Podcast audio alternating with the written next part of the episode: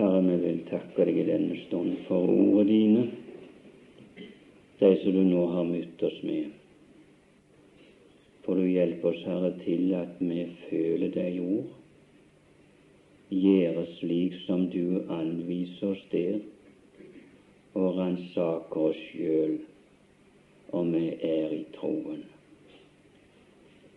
Vi har så lett, Herre, for å ransake andre mennesker. Så glemmer det viktigste å ransake oss sjøl. For du, Jesus, hjelper oss til det. At vi har et sådant oppgjør og ransak oss sjøl som vi finner ut om vi er i troen. Det er jo dette, Herre, du forsøker gjennom hele ordet ditt å lede oss inn på. Da skulle det være muligheter for hver en av oss til å kunne bli det var om vi ferdes i troen på deg, Jesus. Nå vil vi legge dette møtet over i dine hender. Og vi veit, Herre, at du er trofast, som også har gitt dette løftet, at hvor to og tre er samla i navnet ditt, er du midt iblant for å velsigne. Så regner vi med det, Herre, og leverer både oss sjøl og møtet over i dine hender. Amen.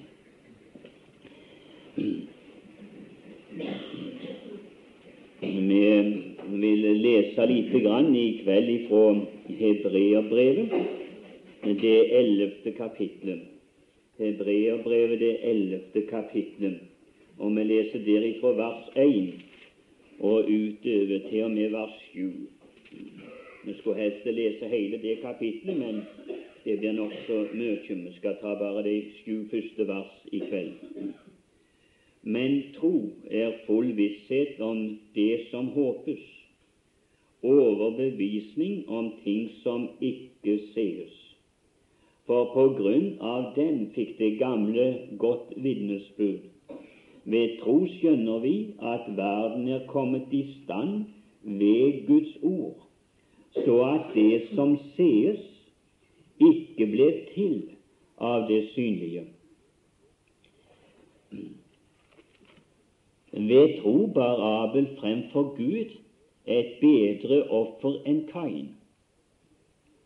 Ved den fikk han det vitnesbyrd at han var rettferdig i det Gud vitnet om hans gave, og ved den taler han ennå etter sin død. Ved tro ble Enok bortrykket, så han ikke skulle se døden, og han ble ikke funnet fordi Gud hadde bortrykket ham. For før han ble bortrykket, fikk han det vitnesbyrd at han tektes Gud. Men uten tro er det umulig å tekkes Gud, for den som treder frem for Gud, må tro at han er til, og at han lønner dem som søker ham.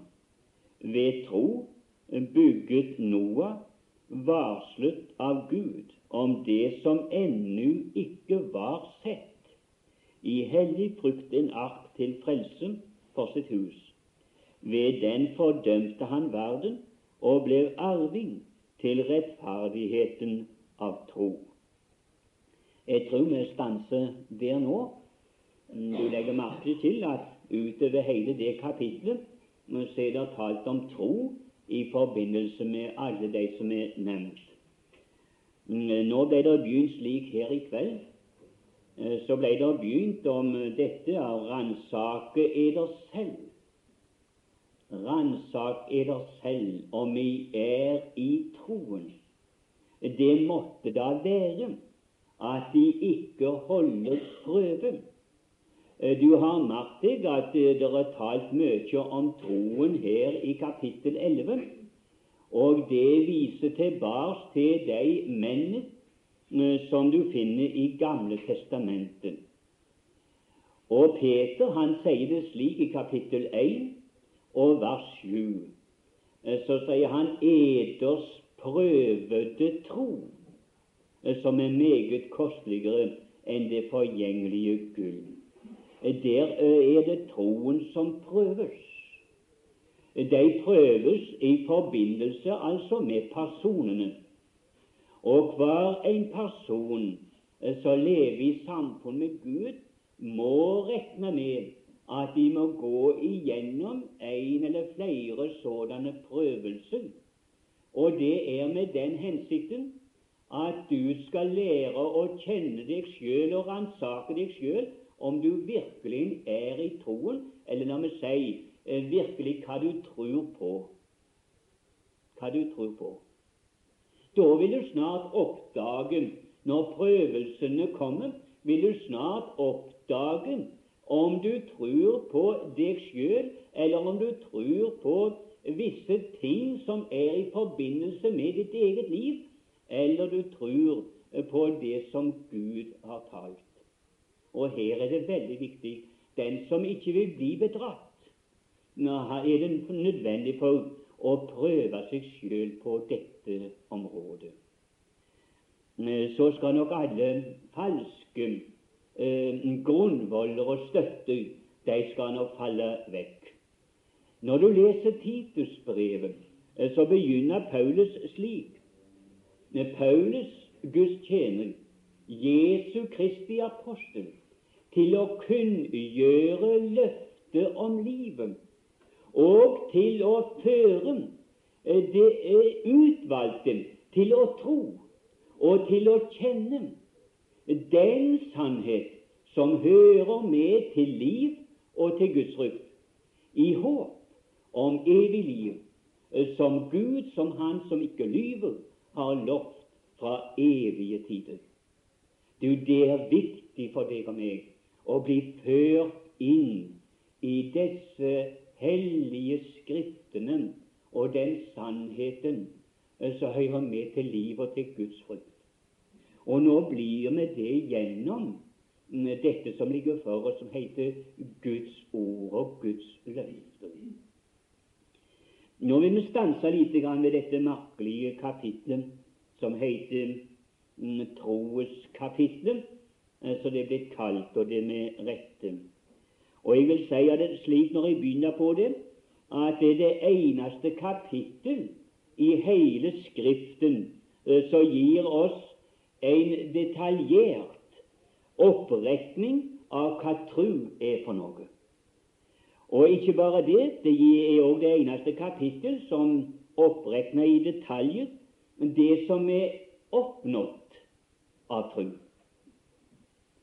Da forstår en at det er viktig å gå igjennom det og følge nøye med de personene eh, som Bibelen der beskriver, og som også Eh, har opplevd noe eh, i samfunnet med Gud, og at det ikke er ved noe utenom dette en tru på det som Gud hadde sagt. Og kan vi bare bli rolige for det, og kan Gud få stille oss inn under dette og føre oss bort ifra dette med vår syn og det opplevde av så mange ting Eh, som du og meg vil ha i dag, og inn på bare det ene grunnlaget som heter Guds ord og Guds løfte i forbindelse med Kristus Jesus. Når dette er det ene stående kapittel eh, som vi finner i hele Skriften, og det finner vi her i Hebreerbrevet, eh, så må det ha en bestemt hensikt og når vi finner det der. En bestemt hensikt. Og da må hensikten det må da være Mm, eh, følgende i i brevet. Eh, det har et visst formål, og da må det være denne at Gud vil ved og igjennom eksempler eksempler viser hebreerne, og ikke bare hebreerne, men også deg og meg, at Guds løfter og Guds velbehag ikke kan oppnås ved gjerningsvesen, eh, slik som vi finner her i tempelet. For det er det han beskriver i Hebreerbrevet. Det er tempelofringene, tabernakletjenesten. Det er det han beskriver i Hebreerbrevet. Og han prøver å belyse gjennom dette med eksemplene som han har av disse mennene, at de oppnådde eh, dette som de oppnådde utenom gjerningsvesenet, utenom disse ofringene. Og Derfor så vil vi prøve nå i kveld eh, med noen av disse eksempler. I disse eksemplene blir tre ting eh, slått fast. Det første vi skal stanse for, som blir slått fast, det er at rettferdighet og velbehagelig for Gud er blitt oppnådd alene ved tru. Det bevises. Det bevises gjennom hebreerbrevet. Og da tar han ikke bare eh, eh, det i Nye Testamentet, men han går langt tilbake i Skriften. Og det er alltid slik at når du og vi skal føres til, til, til tro og til hvile, eh, så skal du merke deg da må vi også få Det gamle testament som et grunnlag. Og det var det Apollos, og det er Paulus også, eh, når han målbandt jødene, når han viste, står det fra Skriftene, at Jesus var Messias. Du, Det var så veldig viktig å føre deg tilbake til det gamle Skriften og dokumentere det derifra alt det som nå hadde skjedd. Og det vil også hjelpe deg og meg her. Og da begynner han her i dette eh, kapitlet med Han begynner derifra Abels dag, ifra Abels dag og til Moses. Så skal du merke deg at eh, der er det han forteller um, det som han vil ha fram og si oss, at eh, det ble noe, eller det skjedde noe ved disse mennene eh, før eh, loven var gitt. Før loven var gitt, og før det judaistiske systemet var innført. Og er det noe som har gitt meg trøst, og har gitt meg virkelig håp, og som har også gjort at jeg får hvilen Eh, på en mer mm, eller alminnelig måte når jeg føres inn i disse skrifter, det er nettopp det at det var noe som skjedde før den tiden. For da kan jeg sette det utenfor det som heter lov og gjerningsvesen og alt det der. For er folk blitt frelst før den tiden, må det også Eh, da kunne være at folk blir frelst nå uten de tingene eh, som der er lagt eh, fram i forbindelse med lov og, og seremonier. Det er noe som mennesker setter veldig fast i, for det er noe som knyttes veldig fast til vår adamittiske natur. Og så er det om å gjøre for Gud og få prøve å bevise dette. At du skal bli løst ut. Så du ser det er utenfor det som heter gjerningen, når han rettferdiggjør mennesket. Da vil jeg også gå litt videre. Jeg vil si at all velsignelse At all velsignelse det finner du også i forbindelse med både Abraham, Isak og Jakob det tildeles de bare ved tro. For disse mennene, de òg levde hele livet sitt utenfor alt det som heter eh, seremoniell, eh, eh, seremonielle former som foregikk i tabernaklet og i tempelet. For det var ikke tabernaklet var ikke reist, og tempelet var ikke reist på den tiden som de levde. Så hele deres liv eh, det levde, utenfor de tingene der. Og Allikevel så sier Gud noe om dem. Men det var det som jødene satte så veldig lit til. Det var tempeltjenestene, ofringene, alt det seremonielle. Det var det som jødene satte så veldig lit til. Og det var det som også apostelen gjennom hebreerbrevet får i oppdrag av Gud til å kunngjøre at det er ikke frelse i det Det kan ikke frigjøre deg ifra synde, for sådanne ofringer var ikke i stand til å bortta synder. Det rørte meg lite grann ved i går kveld. Men så finner vi også at troens vei og troens liv det avspeiler seg også i tre personer som vi kommer til å røre ved nå i kveld. Og de tre personene de behagde Gud eh, før syndfloden kom. Men vi går så langt fram i kveld, så helt før syndfloden. Og så er det tre personer som Herren drar fram i Hebreabrevet 11. Så det står 'behagde Gud', og det var før syndfloden. Og legg merke til at også det er bare ved tro. Det er Abel, det er Enok, det er Nova.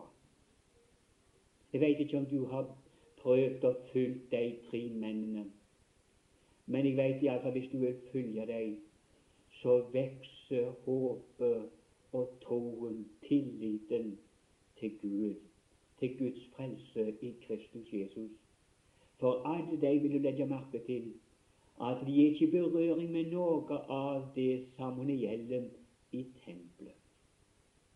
For det er jo før den tiden. Det er før den tiden. Ikke i forbindelse med det loviske, eh, det som er så lett for å henge oss også fast i. Og dette kapitlet som vi har her, eh, kan jeg iallfall eh, si det deles i fire deler. Det er fire avdelinger, og det er godt å, når du deler det opp, for da merker du det bedre. Og i kveld kommer vi bare til å røre ved de første tingene. Det finner du i vers 1-3 her, som forteller hva tru er for noe. Hva tru er for noe, og hva tro, troens vesen er for noe. Vi leser igjen. Tro er full visshet om det som håpes, overbevisning om ting som ikke ses.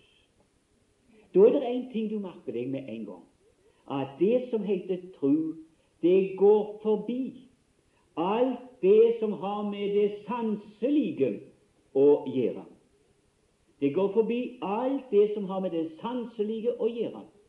Det befatter seg med det som ligger bak det som er synlig. Det har ikke med det synlige å gjøre, men bak det synlige det er det troen hefter seg med og befatter seg med. Men det avgjørende for troen er altså ikke det som en ser, men det som en hører forkynt. Det er en som forkynner noe, og så tror en det uten å se det. Det har ikke med syn å gjøre, men med hørselen å gjøre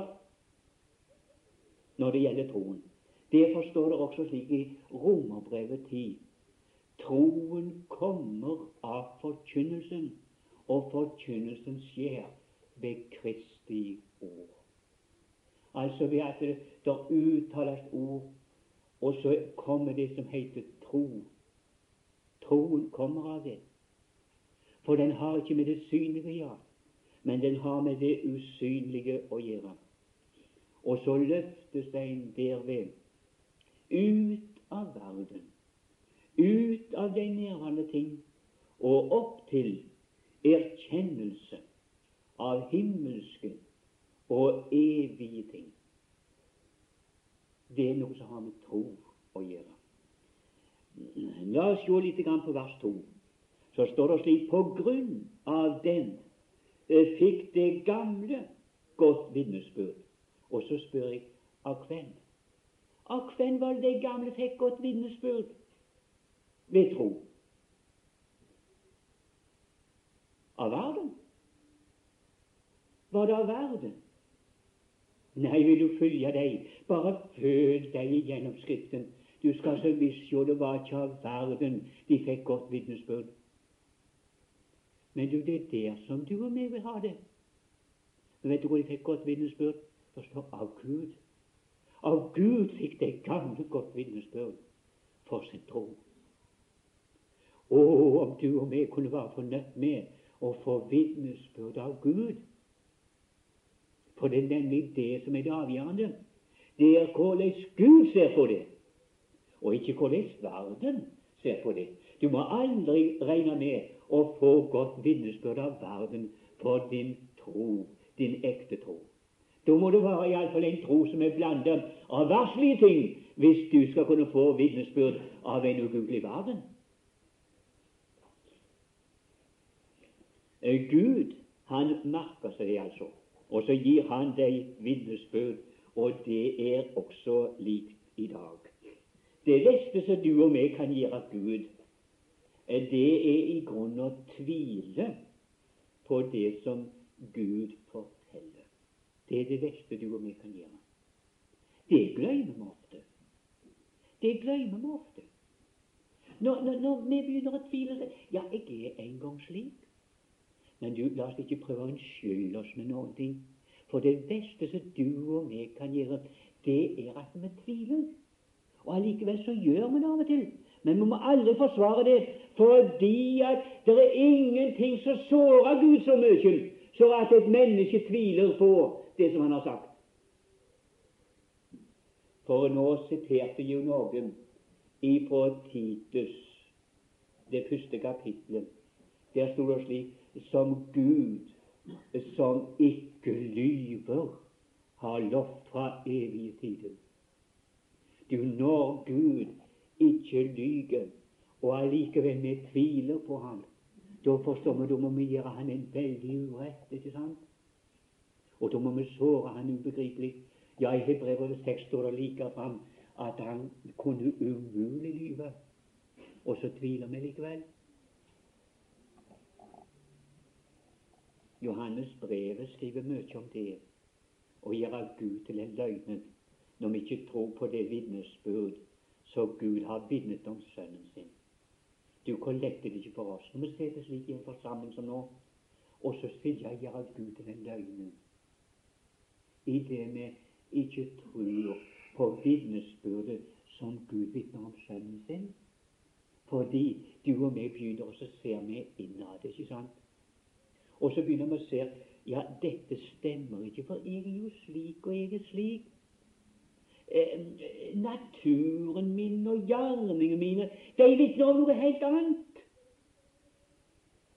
Og så kan vi ikke eh, tro Gud. Men hva er det Gud forteller? Hva er det Gud forteller? Hva er det som han vitner, som han sier i Johannes 3? Nei, i Johannes 5. det det første Johannes brev og femte kapittel. Jo, han forteller jo det. Vitnesbyrd, sier han. Er dette at Gud har gitt oss evig liv, og det livet er i Hans Sønn. Så hvis du og meg han, har tatt imot Sønnen, så har vi livet. Men har vi ikke tatt imot Sønnen, så har vi ikke livet. Selv om du synes å få det til å stemme, selv om du synes å få det til med livet ditt, hvis du ikke har Sønnen, så har du ikke livet likevel. Og det er det han har skrevet om, for du skal vite det, at det er evig liv, det som tror på Guds Sønns navn. Eh, da kobler du ut ditt eget, ikke sant? Ditt eget navn. Hva vil det si? Du, ditt egen person, det du er i verdighet av deg sjøl, det kobler du ut. For det teller absolutt ingenting. Det er bare det som Gud har gitt i Kristus Jesus. Du skal bare kaste alt det med deg sjøl på skraphaugen. Det er ikke duelig til noe når det gjelder din frelse.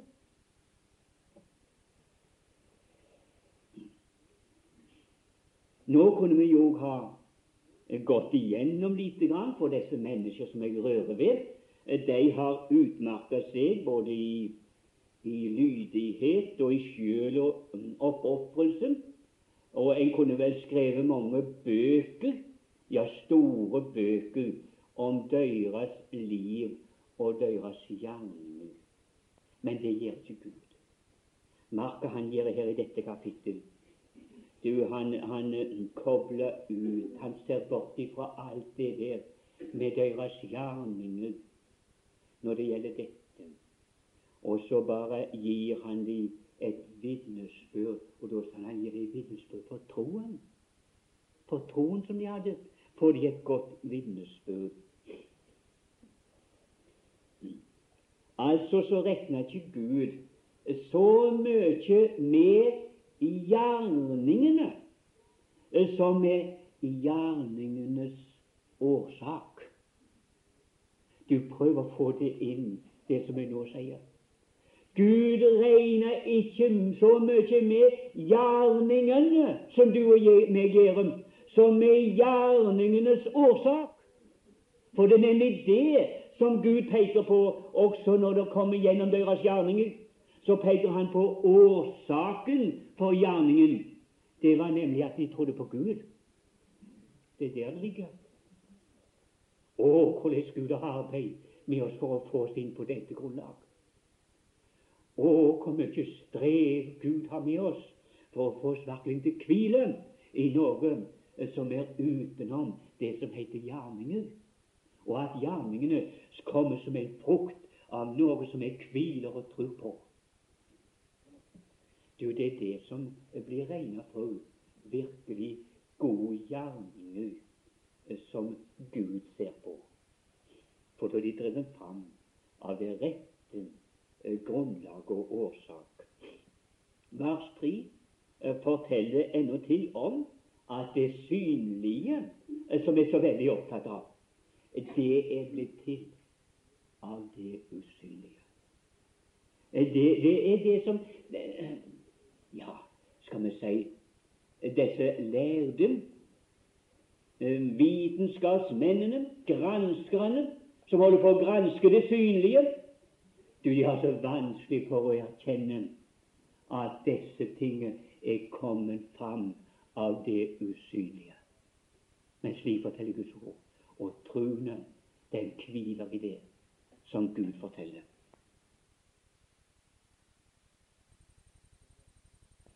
Så går han over til vers 4, og så sier han at Abel han ofrer, og så får han også rettferdiggjørelse ved tro. Abel bar frem et bedre offer enn Kain. Ved den fikk han det vitnesbyrd at han var rettferdig.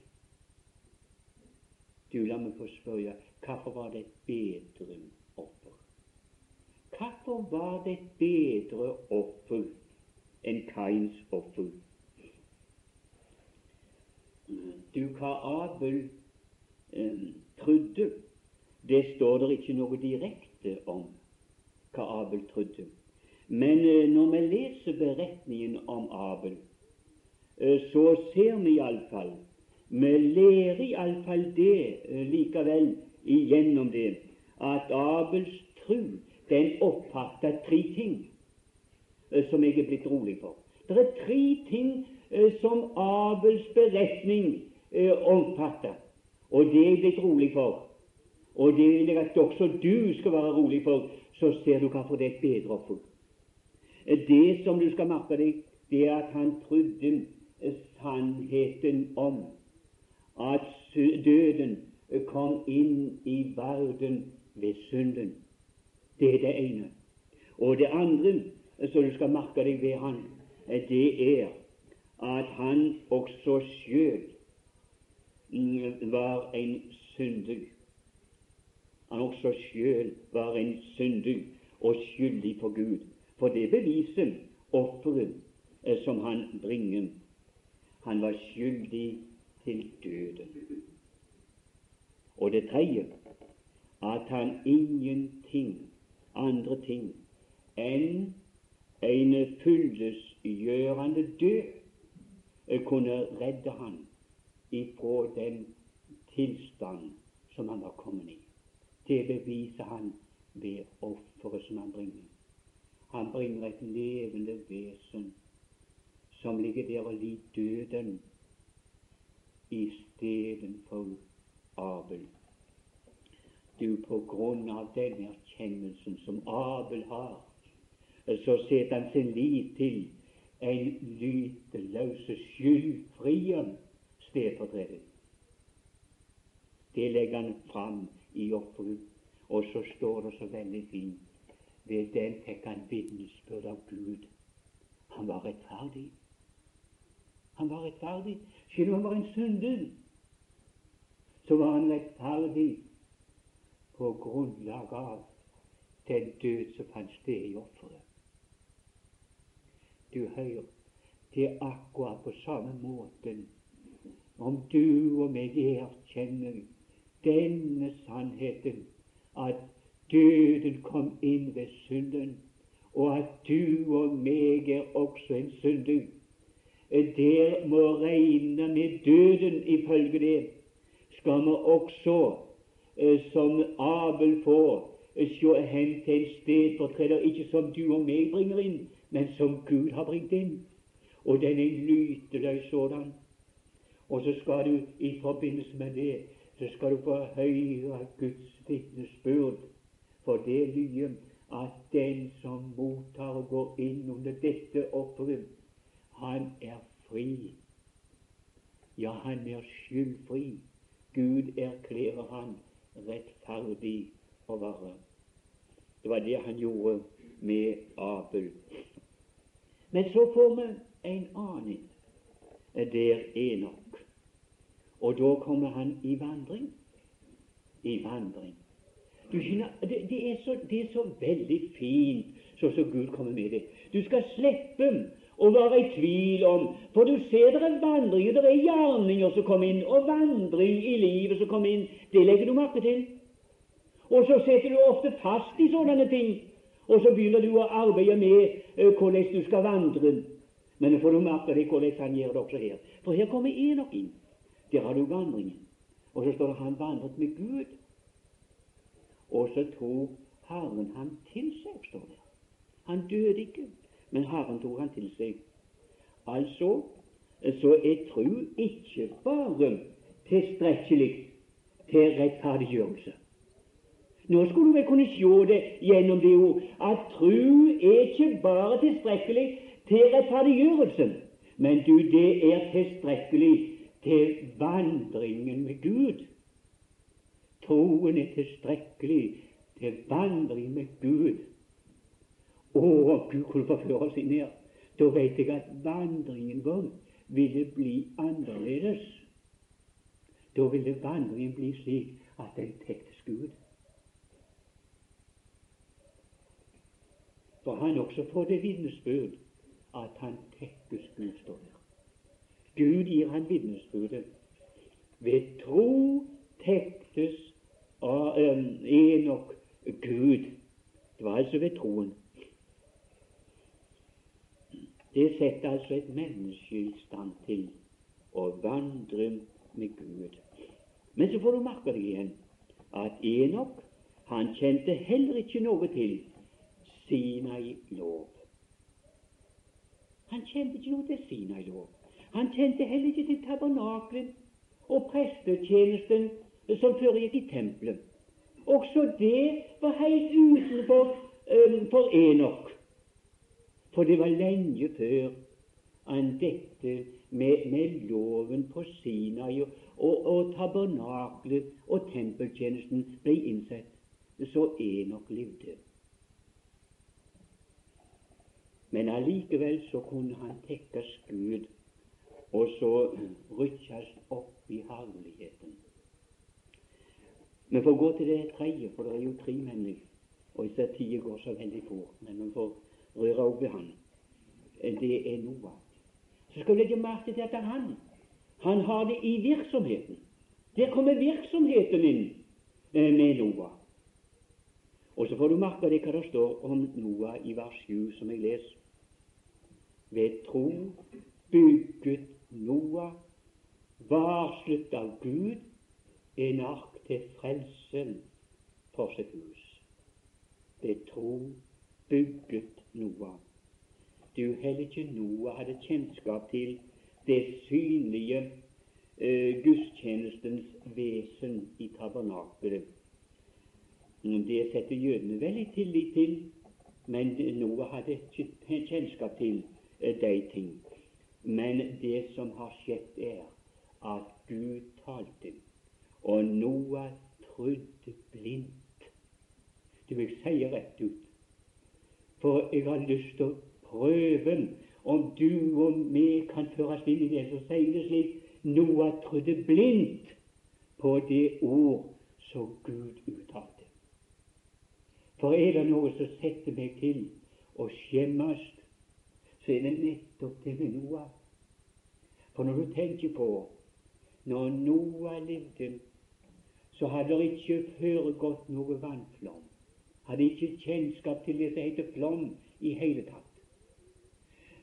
Lite nok til eh, noe regn av betydning, for det står, om du leser det andre kapitlet av um, første Mosebok, så skal du legge merke til at jorden den ble fukta, står det, av damp, av dunst som steg opp ifra jorda og fuktet den. Og da synes det vel det måtte være veldig urimelig for noen å ha på dette uh, ord av Gud at det skal komme en vannflom. Du kan jo tenke deg hvor vanskelig det måtte være å tro noe sånt. At det kom en vannflom. Hvor skulle den komme ifra? Hvordan skulle dette skje? Alle hadde sett en flom. Du og meg har sett flommer, og vi vet hvordan det kan herje og grassere. Men Noah hadde ikke sett noe sånt. Og allikevel så trodde han blindt på det som Gud hadde sagt. Langs mindre hadde han sett at en båt fløy på vannet, for han hadde aldri sett en båt. Og så talte Gud om dette til Noah, og så tror han blindt på det. Og så gir han det akkurat slik som Gud har sagt. Gud gir han henne til målestokken på det. Du får gjøre han slik og slik. For han hadde jo aldri sett det. Men så gir han det nøyaktig etter Guds beskrivelse. Så gjør han noe av det. For han trodde på det som Gud hadde sagt. Du også kan du bare følge denne Noah, og så får du se om ikke dette med troen på det som ikke hadde skjedd, dette som var usynlig, det som det ikke var noe beviser for på noe hold, kunne komme og eksistere, uh, og se om det ikke kom likevel.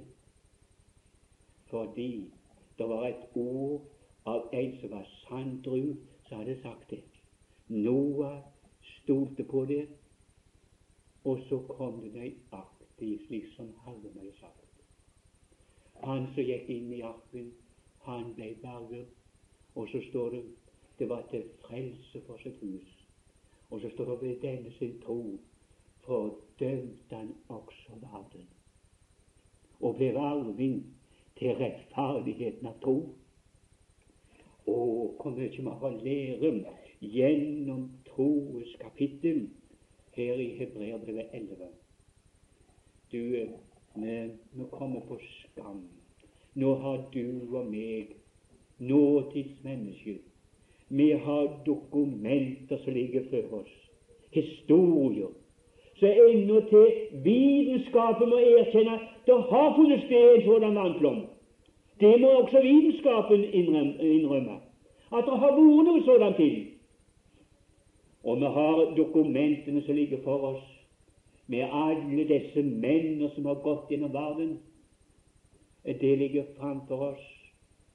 Og at de oppnådde dette hin, og allikevel så tviler vi så ubegripelig mye på når Gud forteller om Jesus Kristus som den frelsesarken han har gjort i stand, så du og meg skal gå inn i. Og at vi gikk inn, og så setter oss der i arken og så så vi bare imot takluken. Og så så vi bare imot det beken, det som vitner om forsoning, det rensende blod på Golgata. Så så vi bare opp imot dette som skjedde. Og så kunne vi sitte der ganske rolig.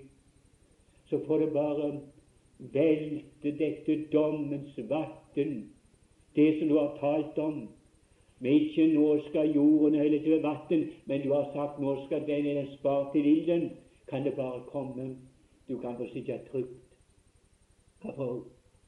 Jo, fordi at Gud har lagd til dette som han sier. Det skal ikke være noen fordømmelse for den som er i Kristus Jesus. skal du sitte trygt. Du, Nå merker du hvor Gud vil ha deg og meg som er frelst. Og jeg har lyst også å si neste som kommer, det er i grunnen i forbindelse med, med Abraham.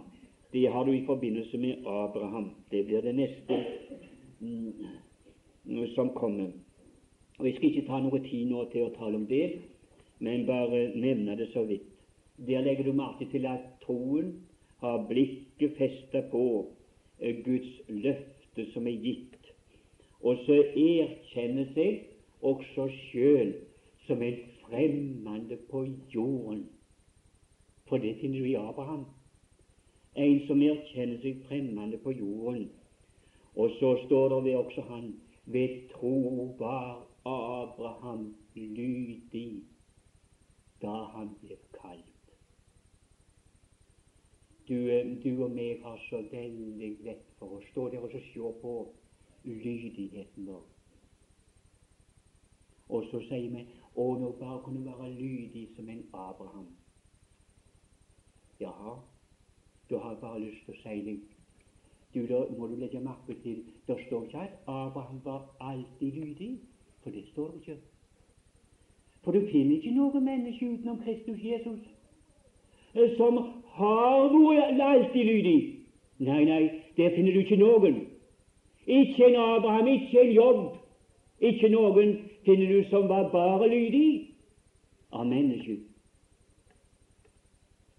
Der står om en som var lydig, og han ble lydig til døden, ja, korsets død. Men det var den ene. Men der står Abraham var lydig da han ble kalt, så han dro ut. Du, du som er frelst, du var lydig den dagen Gud kalte deg, og så gikk du på Guds løfte uten å vite hvordan dette ville skje. Men du vågde deg ut på det. Du vågde deg ut på det. Og så gav Gud deg den attesten du er rettferdiggjort ved Jesus Kristus. Fordi du var lydig når du. Du, det er det som, som Herren sender ut til deg, skulle du si, som ikke er frelst, der du vil være lydig når Han kaller nå, og gi deg ut på det du ikke har forstand og vet på, men du gjør det fordi at Herrens ord sier det slik, og så våger du det spranget, så gir du deg ut på Guds løfte. Henimot en stad som har faste grunnvoller, men som du ikke ser, men som du bare ser i troen. Du, det var det som Abraham Han fikk løfteslandet, og han tok i veien. Og det svære han kom også inn i løfteslandet. Han kom inn i løfteslandet. Men du, han oppdaget snart når han kom inn i løfteslandet, eh, Kanan, eh, så la han merke til ja, dette er ikke det egentlige oppholdssted. Dette kan ikke være det egentlige oppholdsstedet, for det var ikke heller det. Og det er somme som sier ja, Kanan er beledet på himmelen. Det har aldri vært beledet på himmelen. Nei, det har de ikke. Jeg må ikke finne på å si at Kanan var billigere på himmelen, for det er ikke det etter Guds ord. For hvis du vil følge med dem når de kommer inn i Kanan, så slåss de med fiendene. Du skal slippe å slåss når du kommer inn i himmelen. Da er du ferdig med det som heter slåss og krig. Du er ferdig med det. Det er forbi. Men du, så lenge så du er i Kanan, løftes Kanan, må du kjempe. Derfor står det i Efeserbrevet 6 du har ikke kamp heller imot kjøtt og blod. Og så skal du ikle deg Guds fulle rustning, så du kan stå imot djevelens listige angrep. For du, du vil alltid bli angrepen når du beveger deg i løfteskanalen. Og da prøver han alltid å så tvil inn i din sjel på Guds ord. Det var det han gjorde også med Eva. Altså har Gud virkelig sagt. Og hvor mange ganger han har kommet og sot og lese Skriften. Så han kom og sagt Ja, men mener Gud det virkelig slik? Har Gud virkelig sagt det slik? Mener han det slik? For å så tvil, så der har vi kamp. Men så skal du bevege deg der i løftes kanan skal du få lov å vandre mens du er i denne verden. Men du skal få vandre her i denne verden som en fremmed. Fordi i løftets kana lærer du en ting. Her er ikke det faste grunnvollet. Nei, de er der som Jesus er byggmeister for. Det er der de er. I himmelen og saligheten. Det er der som den faste grunnvoll er. Og så har han lovt dette riket som ikke kan rustes. Du og når du og meg får et rike, sier Peter, som ikke kan rustes, så må vi være takknemlige og tjene Gud i frykt. Når vi har et sådant rike i vente. Du er veldig takknemlig å stå her, fordi at Gud kalte slik at han bevegde meg en dag til at du ble lydig når han kalte og tok steg og gikk. Og så har jeg merket meg at han har ikke skuffet. Han har aldri kunnet skuffe. Han er blevet mer for meg enn i alle lyse drømmer hjertet kunne tenke seg. Og jo mer jeg ham kjenner trofast god og alltid nær, desto mer må jeg lenges at du også får ham kjær. Det er så godt å ha frelst. Det er så godt å hvile i det som Gud har sagt kan du gå på det. For det holder i tiden, og det holder i døden. Det holder i evigheten. Amen.